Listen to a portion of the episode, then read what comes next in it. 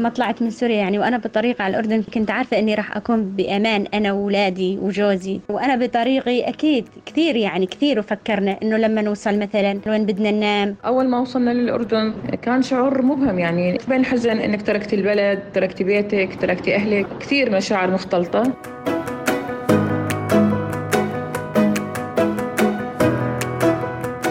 عبور محطة لاجئ. بودكاست يعبر عن حال اللاجئين في الأردن كما هو. يجد اللاجئ نفسه فجأة في بلد اللجوء بأمان من العنف والدمار. وفي المقابل يبحث عن الأمان الاجتماعي الذي سيحدد حاضره ومستقبله. هنا يبدأ دور المفوضية السامية للأمم المتحدة لشؤون اللاجئين بتوفير الحماية للاجئين وضمان احترام حقوقهم إلى حين الوصول إلى حل من الثلاث المتوافرة. كما ستشرح لنا موظفة التوطين في المفوضية عائشة. الحل الأول الذي يمكن للاجئين الوصول إليه هو العودة الطوعية إلى وطنهم الأصلي ومع ذلك فإن الأساس هنا أن يكون ذلك طوعيا أي لا يمكن للمفوضية أو الحكومات المضيفة أو المنظمات الأخرى إجبار اللاجئين على العودة إلى ديارهم ضد إرادتهم. ولن تقوم هذه الجهات بتسهيل العودة إلى مناطق قد يواجهون بها اضطهادا مستمرا. إذا اختار اللاجئ المتواجد في الأردن بإرادته العودة إلى وطنه الأصلي فإننا نحاول ضمان وصوله إلى معلومات كافية من خلال الاستشارات الفردية في المخيمات وخارجها أو جلسات المعلومات المنتظمة حول إجراءات العودة كما وتوفر المفوضية خط ساخن للعودة بالاتصال على الرقم 079 110 9826 هل هناك من يفضل حل العودة الآمنة؟ ننطر العودة الآمنة. لا والله يا عزيزتي لا لا إحنا مفكرين بالعودة ولا حابين نعود لأنه الوضع غير آمن والمعيشة ما بنقدر نعيش هناك وما في شغل. استنى العودة الآمنة. ما هو الحل في الوقت الضائع؟ كما يسميه بعض اللاجئين؟ في الواقع بإمكان اللاجئ الانتفاع من الحل الثاني الذي تؤمنه المفوضية أي الاستفادة من الحاضر وعدم اعتباره ضائعاً. من خلال الاندماج في المجتمع والانخراط في المسارات التكميلية والتي يمكن أن تشمل برامج لم للأسرة وفرص التعلم والتوظيف بالإضافة لبرامج أخرى. التوظيف والاندماج.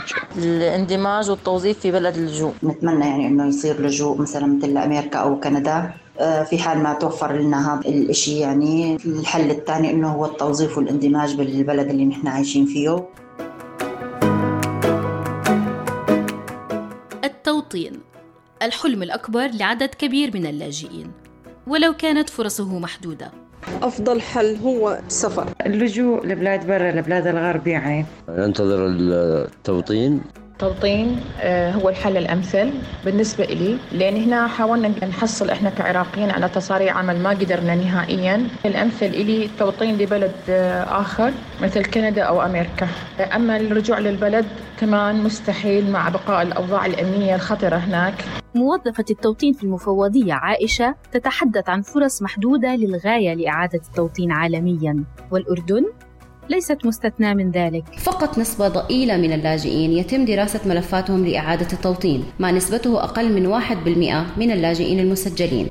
لا يمكن للاجئين تقديم طلب لإعادة التوطين ولكن تتم تحويل ملفاتهم إلى قسم التوطين بناء على مطابقة هذه الملفات لمعايير الأهلية. وهنا بينت لنا عائشة لدى المفوضية خط مساعدة حيث يستطيع اللاجئون التحقق مما إذا كان لديهم حالة توطين نشطة لدى قسم إعادة التوطين. إذا تم الاتصال بخط المساعدة على الرقم 06 400 8000 فسيطلب منهم إدخال رقم الملف الخاص بهم ومعلومات أخرى للتأكد من هوية المتصل. ويستخرج نظام المجيب الآلي بعد ذلك معلومات حول الملف من قاعدة بياناتنا ويزود المتصل برسالة آلية توضح ما إذا كان ملفه قيد الدراسة لغرض إعادة التوطين أم لا. وفي هذا السياق تحذر تحذر عائشة من التعرض لحالات الاحتيال فيما يخص إعادة التوطين. مع التشديد على أهمية معرفة أن جميع خدمات المفوضية مجانية.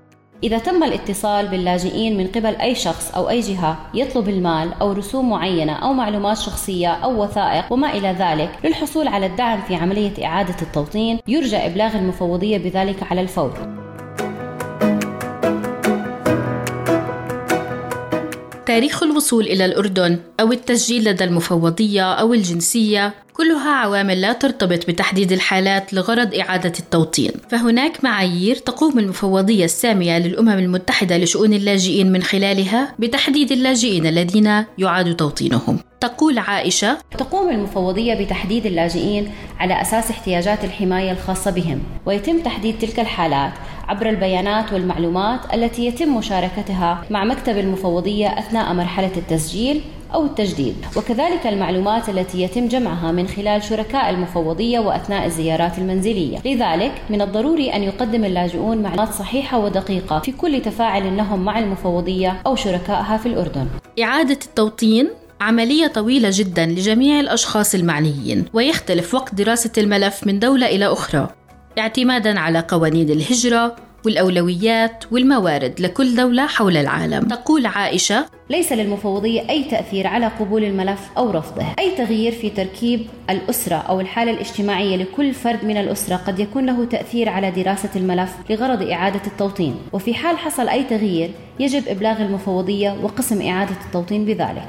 يعود القرار النهائي بقبول اللاجئ لإعادة التوطين إلى دول إعادة التوطين نفسها وليس للمفوضية. ولكن ماذا إن تم رفض ملف ما من قبل دولة إعادة التوطين؟ تجيبنا عائشة هنا. إذا تم رفض ملف ما من قبل دولة إعادة التوطين فسيتم الاتصال باللاجئ المعني من قبل دولة إعادة التوطين أو المفوضية لإبلاغه. تعيد المفوضية تقييم جميع الملفات وتقرر ما إذا كانت هنالك إمكانية لإعادة تقديم الملف. إذا تم رفض ملف إعادة التوطين فلن يؤثر ذلك على وضع اللاجئ المعني في الأردن كلاجئ تحت حماية المفوضية. المقاعد المتوفرة محدودة.